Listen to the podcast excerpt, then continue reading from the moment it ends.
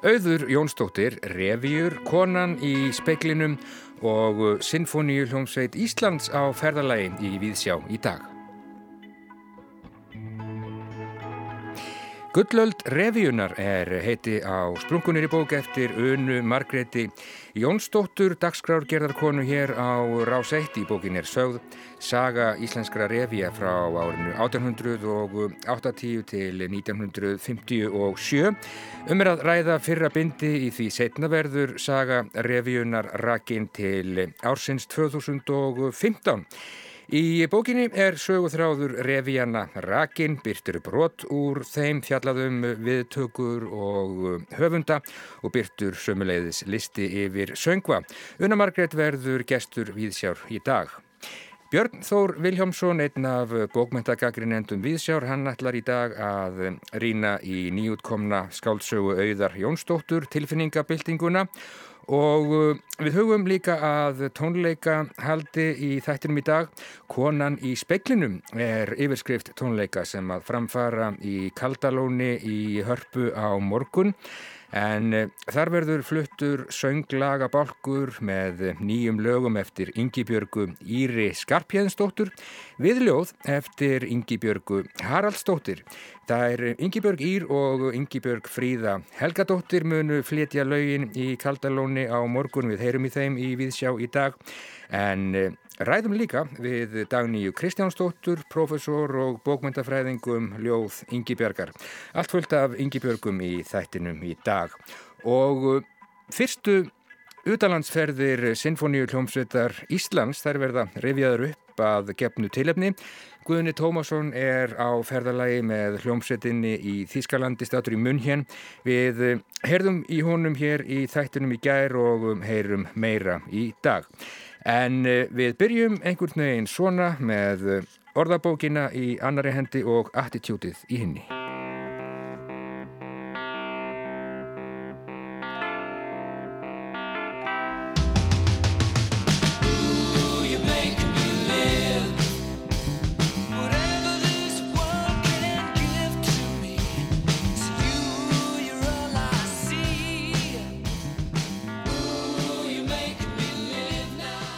Það er eh, miðugudagur í Reykjavík, miðugudagur á Akureyri, samvera, samhigð, samtrygging, samlíðan, nei ekki samlíðan, samsíða, samferða, öll við erum samferða, við erum öll á sama báti, öll á sama skipi, samvinna, samviska, samvisku, bytt, samviskusamur, samband, að vera í góðu sambandi, Að hafa góð sambönd, samþjappa, samþjappa, samþykja, samhæfa, samhæfing, samtreyð, samlíðan, nei ekki samlíðan, samsíða, samferða, öll við erum samferða, samfeðra, samþykkur, samhæfa, samsíða, samkúk, samsjeppard, samviskubit, samvaksinn, samþjöppun, sambönd, að hafa góð sambönd, Samþykja, samsíða, samhæfa, samhæfing,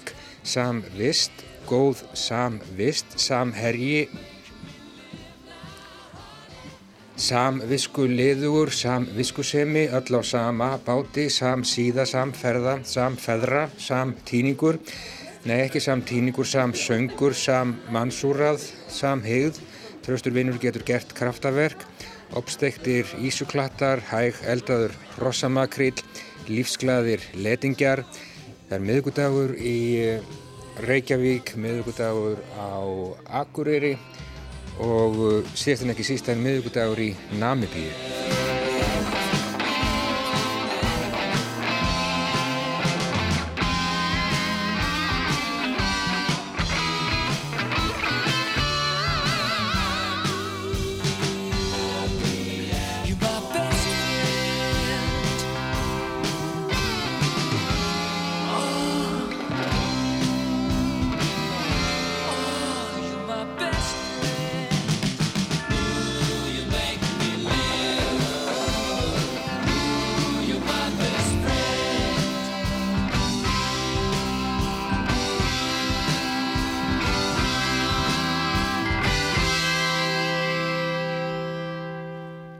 Queen, you're my best friend, alltaf viðegandi, en um, úr íslenskri orðabók Árna Böðvarssonar, önnur útgáfa aukin og bætt förum við beinustu leið í bókaflóðið. Björn Þór Viljámsson, hann hefur verið að lesa nýjustu skáldsögu auðar Jónsdóttur, hún heitir Tilfinninga, byltingin.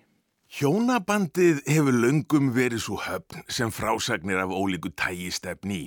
Allt frá skáldverkum Jane Austen til sjónvarpsþáttaraðarinnar Sex and the City og þegar að þeim áfanga er náð er oftast komin tími til að segja skilið við sögupersonurnar. Þá hefur ástarsagan sem slík verið svo ríkjandi hluti af sögufléttum samtímans að það heyrir eiginlega til undantekninga hún sé með öllu fjärverandi og skiptir þá litlu hvaða grein viðkomandi verk tilheyrir eða hvert megin viðfangsefnið er. Það að fólk parið sig saman er sígildur og ómissandi hluti af farsælum endalokum. Bandaríski heimsbyggingurinn Stanley Cavell skrifaði meira að segja heila bók um sérstaka undirgrein klassískra Hollywood-kvikmynda sem hann kendi við hjónaskilnaðar slita gamanmyndina eða The Comedy of Remarriage sem snérist um að fráskildar aðalpersonurnar sjá að sér og verða ástfangnar á nýjan leik og er skemmtilegt dæmi um grettistak hjónabandsins á mannlífinu. Verk sem fjallum hinahliðina á þess öllu saman, þrótt ástarinnar og skip brot langs sambands, þá tilfinningarlegu og áþreifanlegu ringulreið sem fælst í því að segja skilið við mannesku sem um langt skeið hefur staðið manni nær en nokkur annar, eru heldur sjálfgefari þó þær eigi sér auðvitað líka langa sögu. En þar komum við að tilfinningabildingunni, nýjustu skáltsugu auðar Jónsdóttur sem fjallar einmitt um aðdraganda skilnaðar, raungerfingu hans og eftirköst. Reyndar er dálti flókið að fjallum verkið sem skáltsugu. Ekki endilega vegna þess að auður hefur verið opinskáum að hér sé sjálfsæfisugulegt verk á ferðinni því það er svo sem ekkert nýtt fyrir höfundin. Heldur vegna þess að ólíkt fyrir verkum auðar verður ákveðin áreikstur milli sjálfsæfisugulegrar vítar skáltsugunar og svo skáldlegrar og frásagnarlegrar tjáningar atbyrðarásarinnar. Frelsi skáldskaparins virðist að nokkru leiti verið vera heft í tilfinningabildingunni og verkinu á köplum sniðin stakkur svo að viðkvæmtu viðfangsefnið særi ekki hlutað eigandi aðila eða stuði of mikið. Og það leiðir til þess að eyður og skallar eru í frásögninni og hún stundum óljós og óskýr, feimnisleg og ekki alveg hreinskilinn, sem er vandamál hvort heldur sem skáltsaga á í hlut eða sjálfsæfisuguleg frásögn. Frásögninni er miðlað í þriðjupersonu og til vitundarmiðjunar, konunar, er jafnan vísað sem hennar meðan maðurinn hennar er ímist hann eða maðurinn. Þetta er ekki rótækt stílbræð og þess vegna kemur á óvart að það skulle ekki virka sem skildi bókina út í gegn. Vandamálin helgast að hluta til af því að nær allar personur bókarinnar eru naflausar að vinkonum aðalsögupersonurinnar undan skildum og lesandi velti fyrir sér hvort um sjálfsæfisugulega kurteis eða nærgætni af einhverju tægi sé að ræða en útkoman er svo að þegar lýsa þarf samskiptum nokkura personur persóna í einu taka persónufornöfnin að þvælast hvort fyrir öðru og þar sem stundum er vísað til fleirin einnar persónu sem hennar verður útkoman fyrðu klauvaleg. En í grunninn er hér um að ræða hugleiðingu og rannsókn á því hvernig byggja skuli á rústum og því hvernig rústinnar komu til og hvernig nærið því tveggja áratuga samband fór út um þúfur og hvað taki þá við. Segir frá pari sem á að baki ævintýrasamt og viðburðaritt líf saman. Þau hafa búið í Kaupanahöfn, Barcelona og nú síðast í Berlín og öllu jafnan hagað lífi sínu eftir eigin höfði og hendisemi. Þau eru bæði listamenn og rithöfundar, frjálslegi hugsun og andkapitalísk og samkvæmt sögunni njótaðu velgengni, minnstir ákveðnig henni er til dæmis bóðið með reglulegum hætti til ímissa höfuðborga Evrópu til að lesa upp eða til að kynna útgáfu á þýðingu á verkum sínum. Næringin í lífi þeirra er menning og listasöfn og sjóndeldarhingurinn er víður. Þau kynnast ólíkum menningarheimum og þjóðabrótum og svo þegar heimir komið eru þau þáttakendur í lisköpun hvors annars. En eins ljómandi fallega og þetta líf hljómar hefur eitthvað breyst þegar sagan hefst. Hún horfir ekki á hann eins og hún gerði einu sinni. Það er fjarlægð á millið þeirra sem virðist óyfirstíganlegt og fátt sem þau virðast geta gert eða sagt á þess að valda hínu pyrringi og óþóli. Einu sinni fóru þau á flug saman, deildu áhuga málum, atvinnu og ástríðum. Núna snýst líf þeirra um tæknilega úrvinnslu hverstagsins. Sambandið er búið. Það er alveg ljóst. Snemma í bókinni eru þau viðstödd brúðkaup og þegar að brúðhjónin nýsleiknu kissast djúft að vikslunni lokinni veltir hún, þar að segja söguhetjan, fyrir sér hvort að hún eigi einhver tíman eftir að kissa aftur á þennan hátt og er sannferðum að svo sé ekki. Ástriðan virðist því farin úr hjónabandinu án þess að um sé fjallað með beinum hætti. Ástarlíf hjónana er eitt af svæðunum sem sagan hætti sér ekki inn á en það hvað aðalpersonan þráir mikið snertingu og djúft samneiti við einhvern kynlíf í rauninni gefur til kynna að hún sé ófullnægð og þar hafi eina brotalömina í sambandinu verið að finna. Og skilnaðurinn gengur í gegn og aðalpersonan stendur uppi einstæð móðir í Reykjavík fjarrið því fjárhagslega örug og með kvíðavekjandi dómsmál vofandi yfir sér eða eins og segir á einum stað Einn daginn vaknar 44 ára kona upp í nýju lífi sem henni finnst að hafa skollið á sér eins og alda, feitt henni á bóla, kaf svo hún hendist stjórnlust áfram og raka á fjöru í einskismannslandinu þar sem hundar þef af blóðugum jarðvegi og fólk var skotið til bana fyrir að reyna að hlaupa yfir í frelsið. Strönduð þar, veit ekki hvernig hún lendi þar. Kanski réttleitir Berlína dvölinn þetta skáldlega stökk yfir í einskismannslandsmyndlíkinguna þar sem fólk var skotið til bana en sumum kann þó að þykja nokkuð djúft tekið í árinni. En það er svo sem víða í tekstanum sem skilnaðurinn er klættur í tákbúning lífsháska, hjartað springur Sprengjuflísar dælast inn í blóðrásina, henni líður eins og hún sé hrapandi brennandi flugvél og þar fram eftir gödunum. Í ljósið þess hversu vennjubundið ferðl er fjallaðum, hjónaskilnaðir eru jú ekki svo sjálfgefur í nútíma samfélagi og það að lífi aðalpersonunar vindur fram í hálgerðu móki og doða eftir skilnaðin stingur melodramatíst myndmálið stundum í Stuf. Sumt er ágætlega fjallaðum, það til dæmis hversu þungbært það er að þurfa að bera skömm foreldra sinna inn í sér fram á fullorðinsár og tilfinningaflægjurnar sem felast í því að sirkja í senn ástina sem eitt sinn var og framtíðina sem átt að verða, hjónabandið átti jú að varað eilífu. Hins vegar eru stílbröð höfundar ósamstæð og stundum klísjukend og hugleðingarnar um lífið og tilveruna endurtekningasamar og ekkit sérstaklega frjóar. Það er ekki laust við að manni hafi verið hugsað til sjónvarpsþáttarraðar sem laug göngu sinni á rúf síðastlið sunnudagskvöld, pappahelgar við lestur tilfinningabildingarinnar en þættirnir fjalla innmitt um hliðstætt viðfangsefni og höfundur þeirra Nanna Kristín Magnúsdóttir sækir jafnframt í eigin reynslu þótt það sé á óbeitni hátt en Mögulega er það gjöfulli aðferð. Pappahelgar enginnist hins vegar á hrári og humorískri nálguna leið á viðfangsefnið og ná að fanga sársauka skilnaðarferðlisins sem og hverstagslegu leiðendin sem fylgja án þess þó að missa sjónar af því hvað lífið getur jafnpramt verið absúrt og grátt bróstlegt í tilfinninga olgunni. Því miður skortir þessa þætti áþreifanlega í tilfinningabildingunni.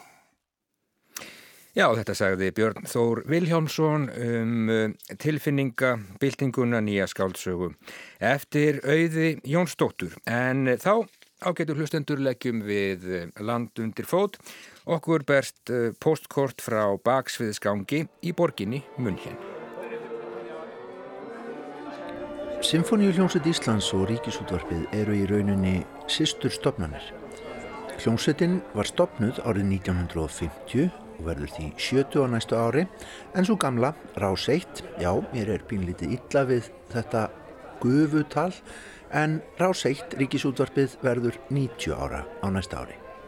Nú þegar ferðalag symfóníuljónsutarinnar til München, Salzburgar og Berlínar er hafið, er ekki úr vegi að velta fyrir sér fyrstu utanhalsferðum symfóníuljónsutar Íslands sem farnar voru um það leiti sem lög um hljómsutina kom til sögunar en þau voru sett árið 1982.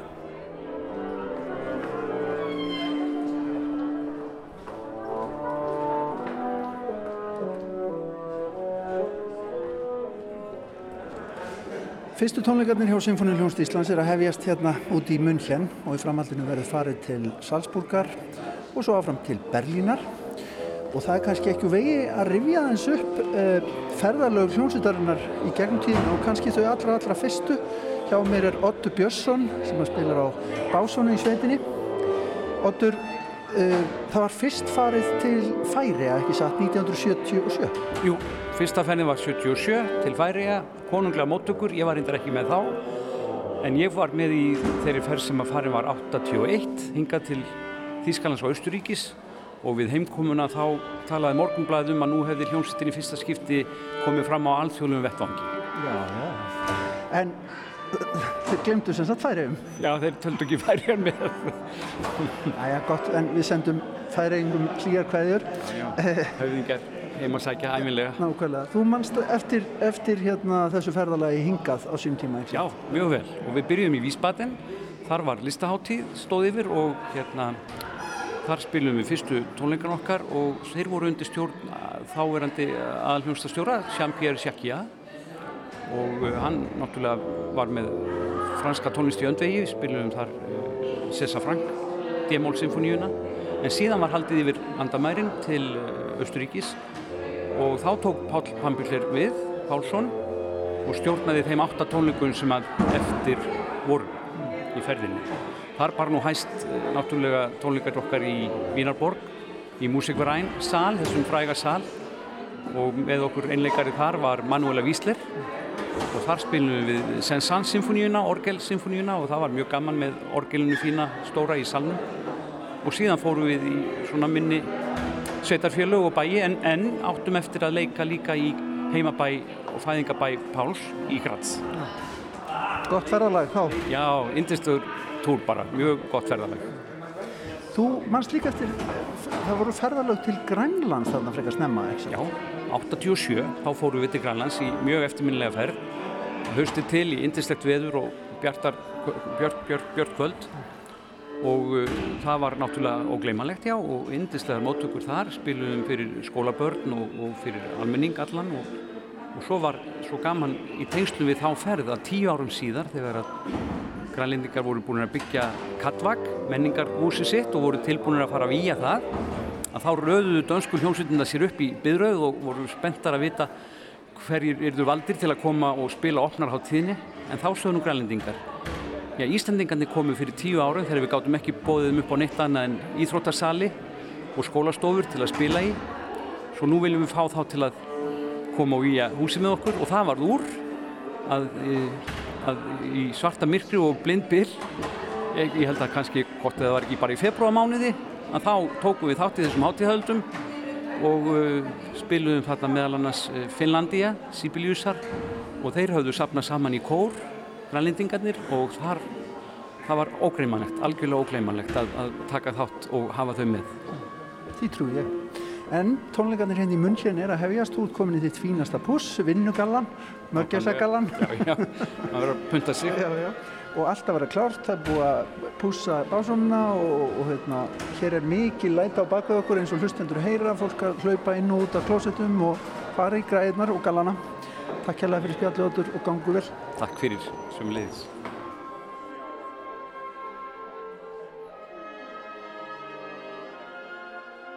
Og áfram heldur túrin, hér heyrum við nokkra takta úr Finnlandia verki Sibeliusar sem básónuleikaren Ottur Björnsson nefndi í tengslum við Grænlandsferðina.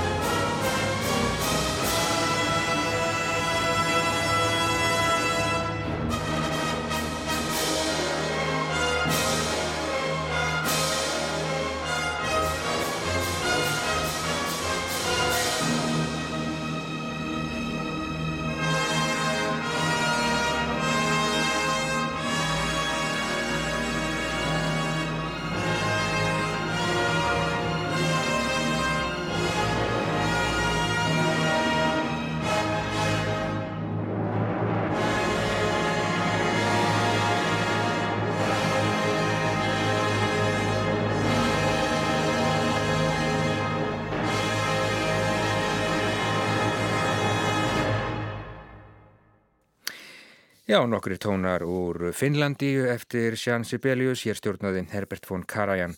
Berlínar Fílharmoníunni. Guðni Tómasson rætti við Ott Björnsson básunuleikara í Sinfoníu hljómsveit Íslands. Skömmu fyrir fyrstu tónleika sveitarinnar á ferðalagi hennar um Þískaland og Östuríki.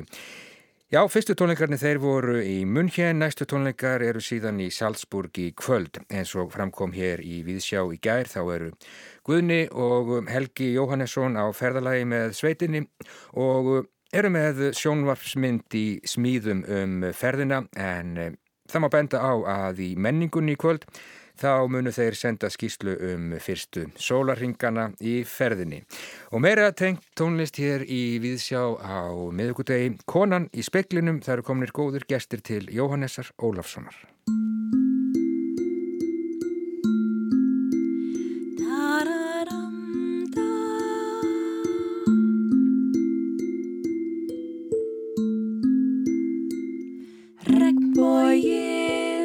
Votur og skjálfandi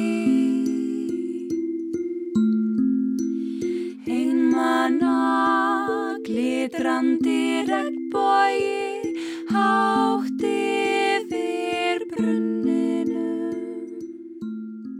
Yngibjörg Fríða Helgadóttir og Yngibjörg Ír Skarpínsdóttir velkomnar í þáttinn. Takk fyrir. Takk fyrir. Uh, konan í speiklinum, þetta er uh, tónlistar bálkur eða sönglaga bálkur segir mér hans frá því hvernig þetta verkefni kom til. Þeir eru búin að vera að vinna þetta í uh, svolítið tíma, eða ekki? Jú, ætlis ekki að verða fjör ár. Fjör, jú. Já, síðan fyrsta lagi var til. Mm -hmm. Já, við kynntumst í listafaskólanum við vorum í, ég var í tónsmjögum og Ingeborg Fríða var í skapandi tónlistarmiðlun og ég fekk hana til að syngja um, tvö lög sem ég hafi verið að semja við ljóð eftir Ingeborg Haraldsdóttur og, og þar svona einhvern veginn byrjaði þetta bara. Mm -hmm. og hefur ekki stoppað síðan. Nei, einmitt. Hún, hún sést að kemur með þetta til mín og ég man eftir að hafa sé nafni Ingeborg Haraldsdóttir sem, textahönda verkinu. Og þetta nafn einhvern veginn, ég, hérna, hringdi einhverju bjöllum og þá fyrir ég að byrja hvar ég er svo nýlega búin að syngja eitthvað lag við ljóð eftir Ingeborg Haraldsdóttir og þá hafði ég verið að vinna í, ég var í jazzsöngnámi á þessum tíma þá hafði ég verið að vinna í lagi eftir Tómas R. Einarsson og hann hefur saman svolítið að, að lögum Viljóð Ingebergar Hallstóttur þannig ég var að vinna lag sem að hétt eh, og heitir Nú eru aðri tímar og ég tengdi vel við það ljóð og mér var svo skemmtileg tilvílin að þetta kemur á samu tíma þannig að við einhvern veginn tengdumst báðar Ingebergar Hallstóttur svona á sama tíma og held ég þaðan sprattið allt saman mm -hmm. Þetta nafn, ég hafði einhvern veginn alltaf haft hann svona uh, hafði alltaf vitað af henni en sko sem þýðanda. Því hún þýtti tvær bækur allavega sem að hafa verið svona uh, mér mjög kærar. Hún þýtti þýtti sapna af æventýrum og þjóðsögum uh, rúsninskum það bók sem heitir Fjöður haugsins haugprúða sem var allt tilheimja ömmu þegar ég var lítil og rosalega fallega mynd skreitt og mjög flott æventýri og svo þýttum líka Meistarna Margaríti sem er einn upphaldsbóki mín. Og Svo sá ég, og ég vissi ekki að hún væri ljóðskald, en svo rekst ég á ljóðasafniðinar og fór bara að skoða og, og fann bara fullt þar mm -hmm. sem að ég tengdi við og hún, ljóðinennar eru svona, þau eru ekki,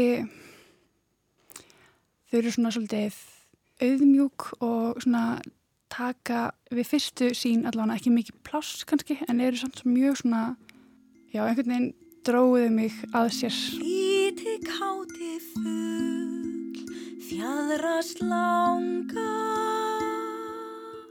Höfundarferill Yngibjörgar Haraldsdóttur er langur og fjölbreyttur. Allt frá fyrstu ljóðabók hennar Þangað vil ég fljúa frá árunni 1974 til þeirrar síðustu Hvar sem ég verð frá 2002 sem hún hlaut íslensku bókmyndavellunin fyrir Yngibjörg var mikilsvirt skáld en hún var einnig afkasta mikil þýðandi og eftir hann að liggja töyir þýðinga aðalega úr spænsku og rúsnesku.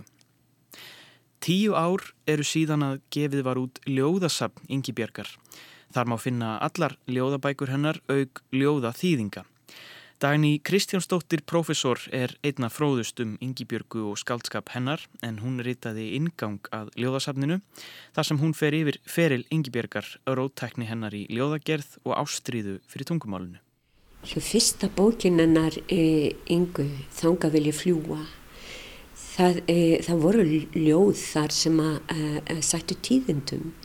Var, e, þetta voru ljóð sem voru e, svolítið öðruvísi, þau voru, það var svona rinjandi í þeim og rithmi í þeim sem var svona svolítið kúbanskur, svona svolítið tromma í, í, í ljóðunum og e, bara e, falleg ljóð e, og sérkennileg.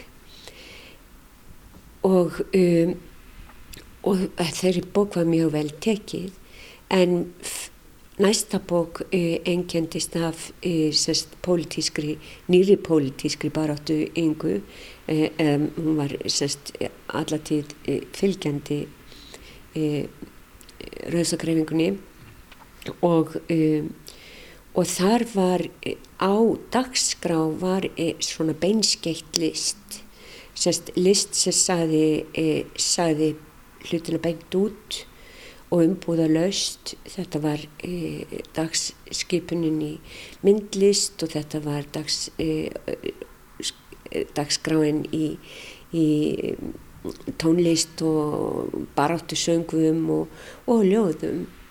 Og þá skrifaði Inga eh, nokkur ljóð, eh, heila ljóðabók sem snýr sér bara beint að eh, stöðu kvanna og þar eru ljóð sem alltaf er vitnað í eins og þetta með að þegar að kallarnir hafa haldið mikilvæga fundi og, og öskubakkarnir eru fullir af e, síkartstöpum þá kemur alltaf einhver kona á ettir til að viðra út úr herbríkinu og tæma öskubakkana og og, uh, og koma á aftur mm -hmm. rauðureglu og, og uh, fleiri ljóð sem eru, sko, sem eru írónísk mm -hmm.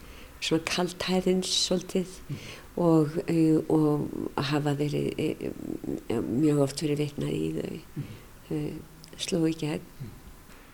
Og en smám sama verða ljóðin myrkari.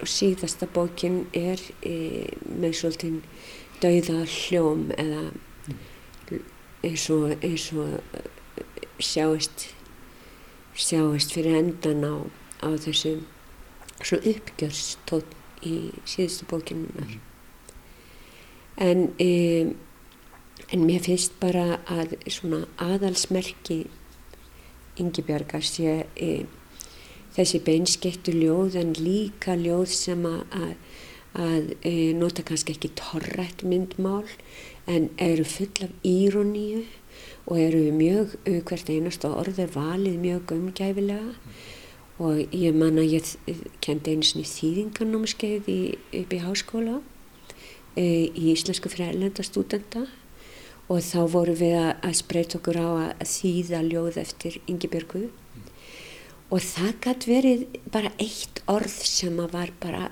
einhvern veginn sem að, að skipti svo miklu máli í ljóðinu. En, en kom, koma ekki í gegnum önnum mál. Hafið þið ekki einhverja aukamerkingar eða einhverja uh, yfirtóna eða undirtóna sem að, uh, þurft að vera til? Þetta, þetta er mjög fingert uh, fingert blæbreyði í þessu ljóðu sem virka einföld en eru það ekki? Og sumt svona óþýðanlegt. Og það þarf bara mikið mikið, mikið innsæði til þess að gera það. Kanski þarf bara tónlist? Ætli þurfi ekki bara tónlist ég hugsa það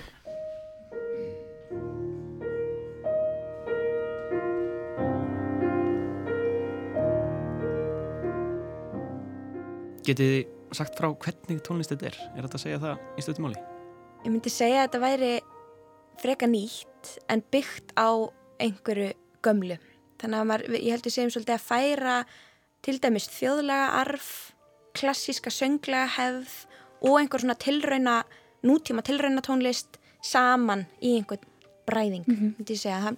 Margt á þessu mörg lögin hafa einhver svona þjóðlega tengingu, tvísöngur, við erum að nota langspilið, við erum að nota harmoníum, við erum að syngja svona þjóðleg stef oft en svo kemur eitthvað bara algjörlega nýtt inn í hennan hljóð þeim, einhver raf, músík Já. Ég, þetta er allt eitthvað sem ég hef áhuga á en það er náttúrulega alls ekki hlaupið að að maður sé með söngkonu sem getur hoppað á milli þessar stíla eins auðvöldlega og Ingeborg Fríða gerir það náttúrulega bara æði. Að, að fá þessa músík í hendunar er svo dýrmætt fyrir mig sem sko söngkonu með, með alls konar mismunandi tækni á bækinu uh, jazz og klassík og þjóðlega tónlist og alls konar. Þannig að þetta er svona verkværakista fyrir mig að fá að leika mér með og ég held að það lýsi lýsi svo svolítið vel, þetta er mjög svona tilraunakendur hljóðheimur, tilraunakend tónlist en samt eitthvað kunnulegt við hana á saman tíma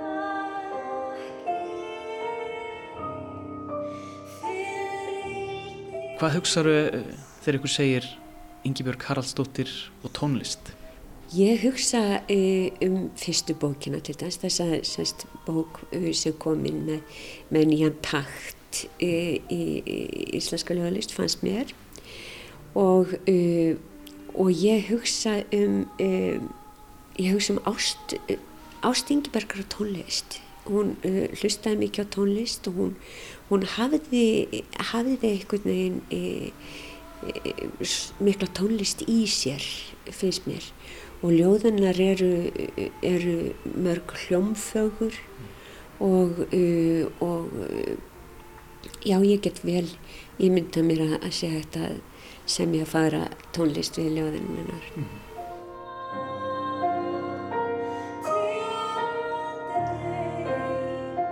Það er búið svolítið fallegt ferli í okkur og því að við sérst kynnumst þarna, þarna voru við Ingebjörg ír nýbúinur að kynast líka, bara persónlega ekki bara Ingi Björg Haralds og, og urðu til þessi tvö lög og fengum svo rosalega góð viðbröð við þessu það var flutt á, á omkvörninni sem er svona tónsmíðahátti fyrir, fyrir nefndur listaháskólanum fengum svo góð viðbröð við þessu já við erum að halda áfram með þetta. Og svona hvernig gerðist bara lífið svolítið mikið, við fórum bara eitthvað fullt inn í námið og fórum að hugsa aðra hluti. Svo þegar leiða útskrifti okkur báðum fórum við já nú ættum við kannski að taka uppdraðin aftur og, og halda áfram með þetta verkefni sem er fleiri lög. Og og þegar við erum að setjast niður, ég mani bauði Ingeborg kaffi og við ætlum að fara að senda inn styrkum svo til þess að halda tónleika og halda áfram þetta verkefni. Og ég ekki, já, nú, nú gerum við þetta. Og Ingeborg kemur til minni í kaffi og hún segir, er það áður með byrjum þá þarf ég að segja að ég er ófrísk. Og ég bara, vá gegga, en hvað því það fyrir verkefni þannig að verkefni fór svona smá pásu og svo tókum við aftur upp dráðin eftir að hún egnaði strákin sinn. Og þá eru þau til alveg slatt af lögum og svolítið svona barna tengt, þannig að Ingeborg á helling, Ingeborg Haralds á helling af ljóðum í gegnum sitt líf. Mm -hmm. og það verður náttúrulega til ljóð á þeim tíma sem hún er eignast sín börn og þá einhvern veginn fóru textandi sem við vorum að velja inn í verkefni að verða meira tengt börnum og uppbeldi og, og svo leiðis.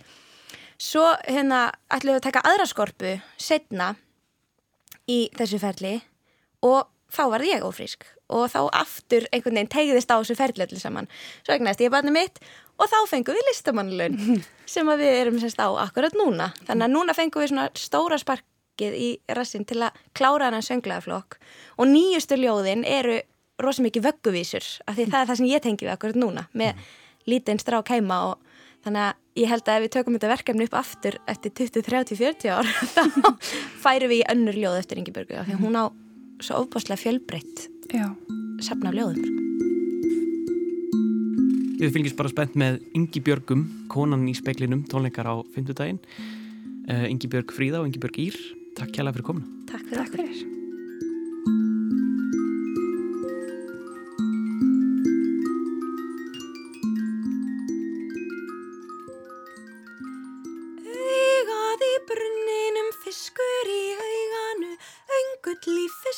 Fiskinum, brunn í auganu. Augað í brunninum, fiskur í auganu, öngull í fiskinum, brunn í auganu.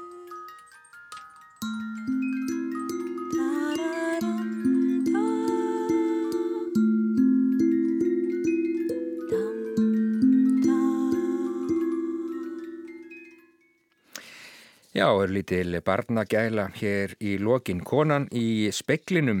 Tónleikar í Kaldalóni í hörpu á morgun þar verður fluttur sönglagabálkur með nýjum lögum.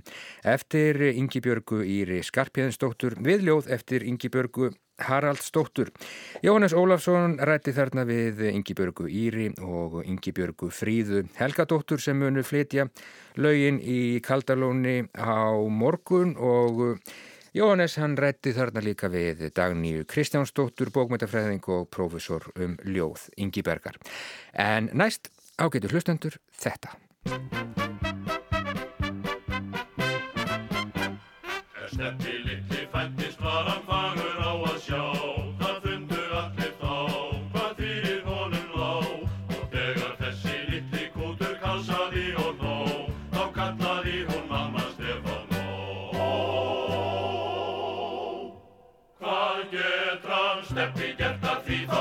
sætur Og geri allar steppur vittlausar í sér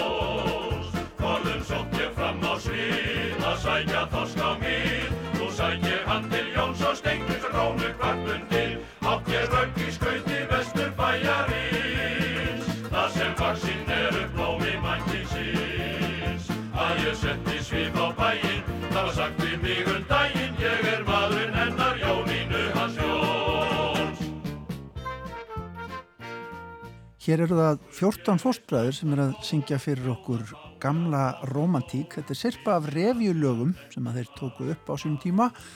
Mikill sláttur á þeim 14 fórstbræðurum.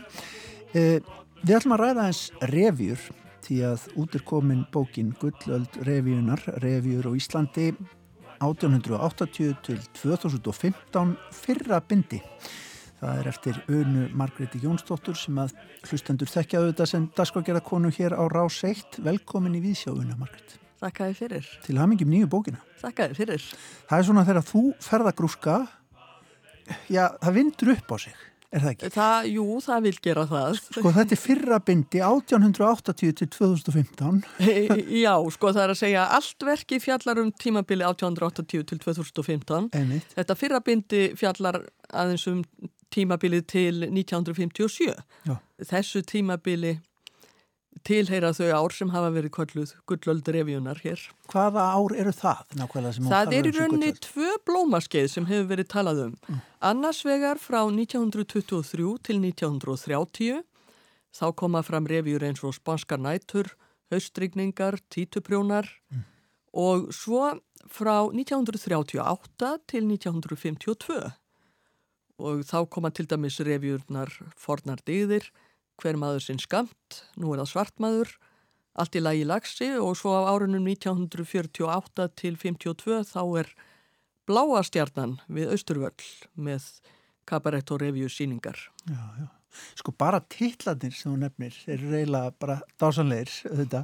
Uh, ef við hugsun bara um þetta fyrirbæri, þetta er gamanleikur og, það, það er ímislegt sem þarna er tekið fyrir revja hvar leikur skilgreiningin og hvar endar hún og byrjar? Já, einmitt.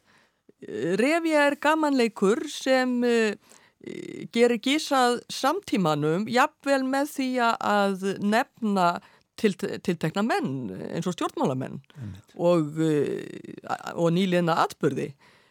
Stundum getur það verið svolítið grátt svæði hvað er revja og hvað er ekki revja en, en uh, þegar revjur gullaldarinnar eru annars vegar þá er alveg allt á hreinu með það, það er engin vafi á því að þessar revjur sem ég nefndi, það eru klárlega revjur.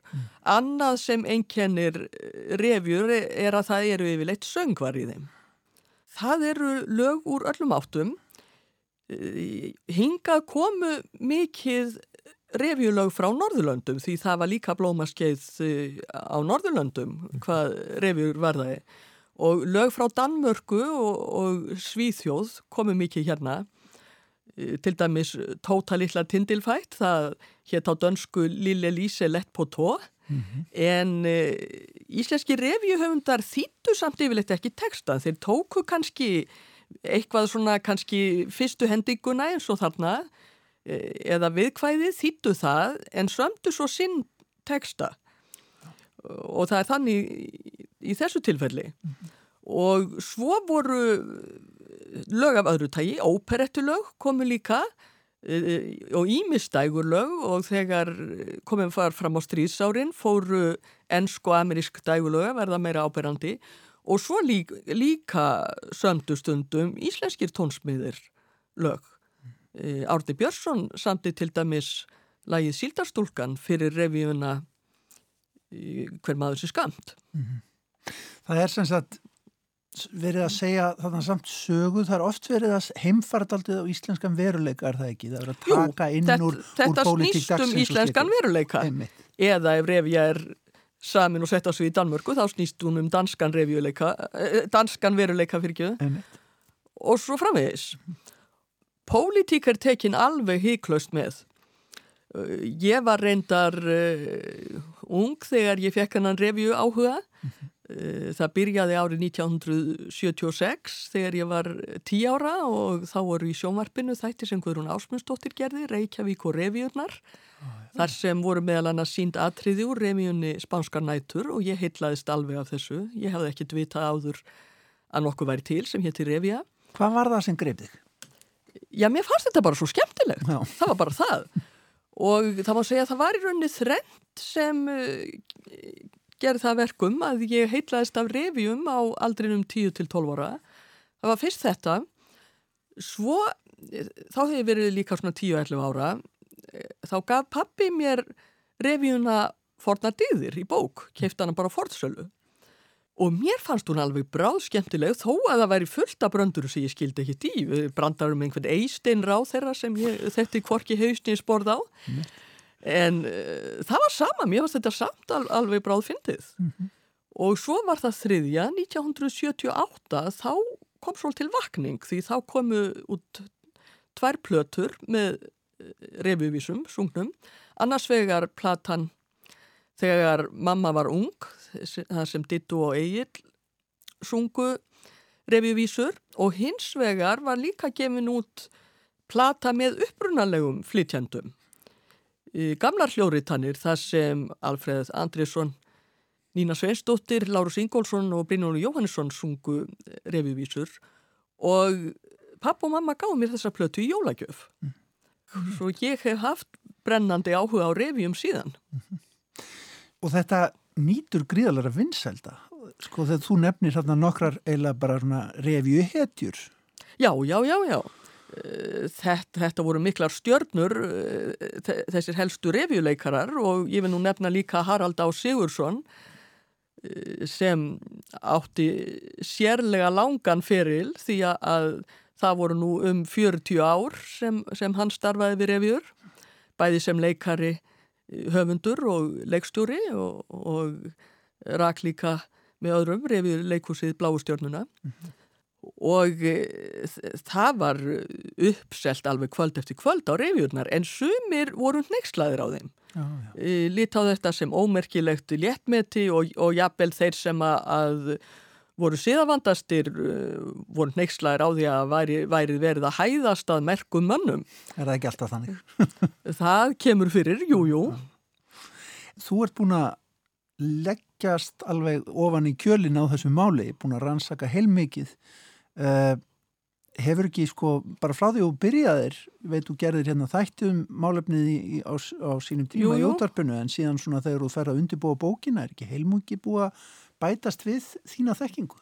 Jú, jú, heilmikið. Ég byrjaði náttúrulega í rauninni rannsóknir mínar 2008 þegar ég fór að vinna að útvarsþáttunum og þá uh, fór ég á handritadelt landsbókarsafsins þar sem margar helstu revjurnar eru varðveittar í handriti og margar revjur eru engöngu varðveittar þar því að flesta revjurnar voru aldrei gefnar út á bók.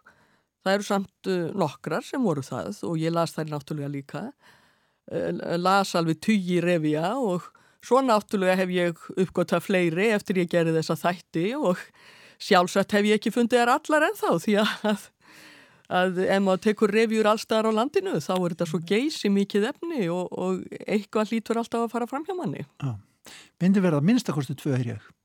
Já, ég, þau verða tvö, það, já, nei þau verða nú ekki þrjú, en ef ég reyndi ekki að takmarka mig þá er þau hæglega þrjú. Einmitt, einmitt. En við ætlum að heyra hérna lag úr, úr hérna einni revíu, það er Hallbjörg Bjarnadóttir sem að syngur, það má kannski benda hlustendum á það að í kvöld þá ætla þú að koma á rannsóknarkvöld í félagi Íslenska fræða í Neskirkju klukkan 20 og tala um þessar rannsókniðinar en hvað syngur hún Hallbjörg fyrir okkur? Það er lag sem að margi þekkja. Já, ég hef elskað því frá okkar fyrstu kinnum. Þetta var einmitt í revíunni Fornardeyðir sem ég nefndi hér á þann. Lægið er danst og uh, einmitt þarna er samin svipaður texti því að á dönsku heitir þetta Ég har elskað það svo lenge ég kann vinnes. Já. Heyrum þessa klassík. Takk hella fyrir komuna. Um lánættið, okkar fyrsta kossin kistumst við. Ég hef elskað þig frá okkar fyrstu kinnum og engan liti fegur ég þig. Ég minnist þess hvjóta lótal sinnum, þín auður litu töfrandi á mig. Það stjörnur bliki bláum híming geimi Á bláma þinna augna minna þær. Svo kona til er ekki öllum heimi Sem orði gæti mér jafnjú og kær Ég hef elskað þig frá okkar fyrstu kinnum Og engan líti fegri en þig. Ég minnist þess kvjóta lóðal sinnum Þín auður litur töfrandi á mig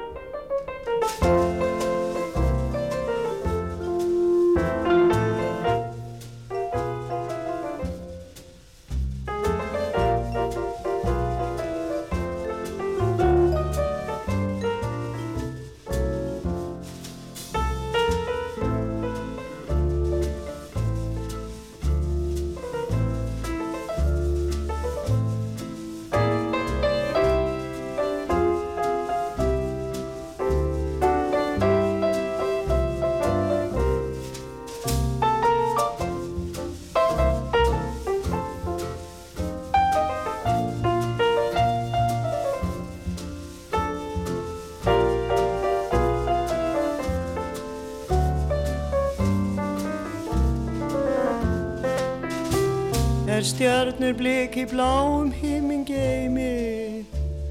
Og bláma þinna augna minna þær. Svo kona til er ekki öllum heimi sem orði gæti mér ég bljúf og kær. Ég hef elskað þig frá okkar fyrstu kinnum og enga líti fegri en þig Ég minnist þess grjóta lótal sinnum. Þín auðu litur töfrandi á mig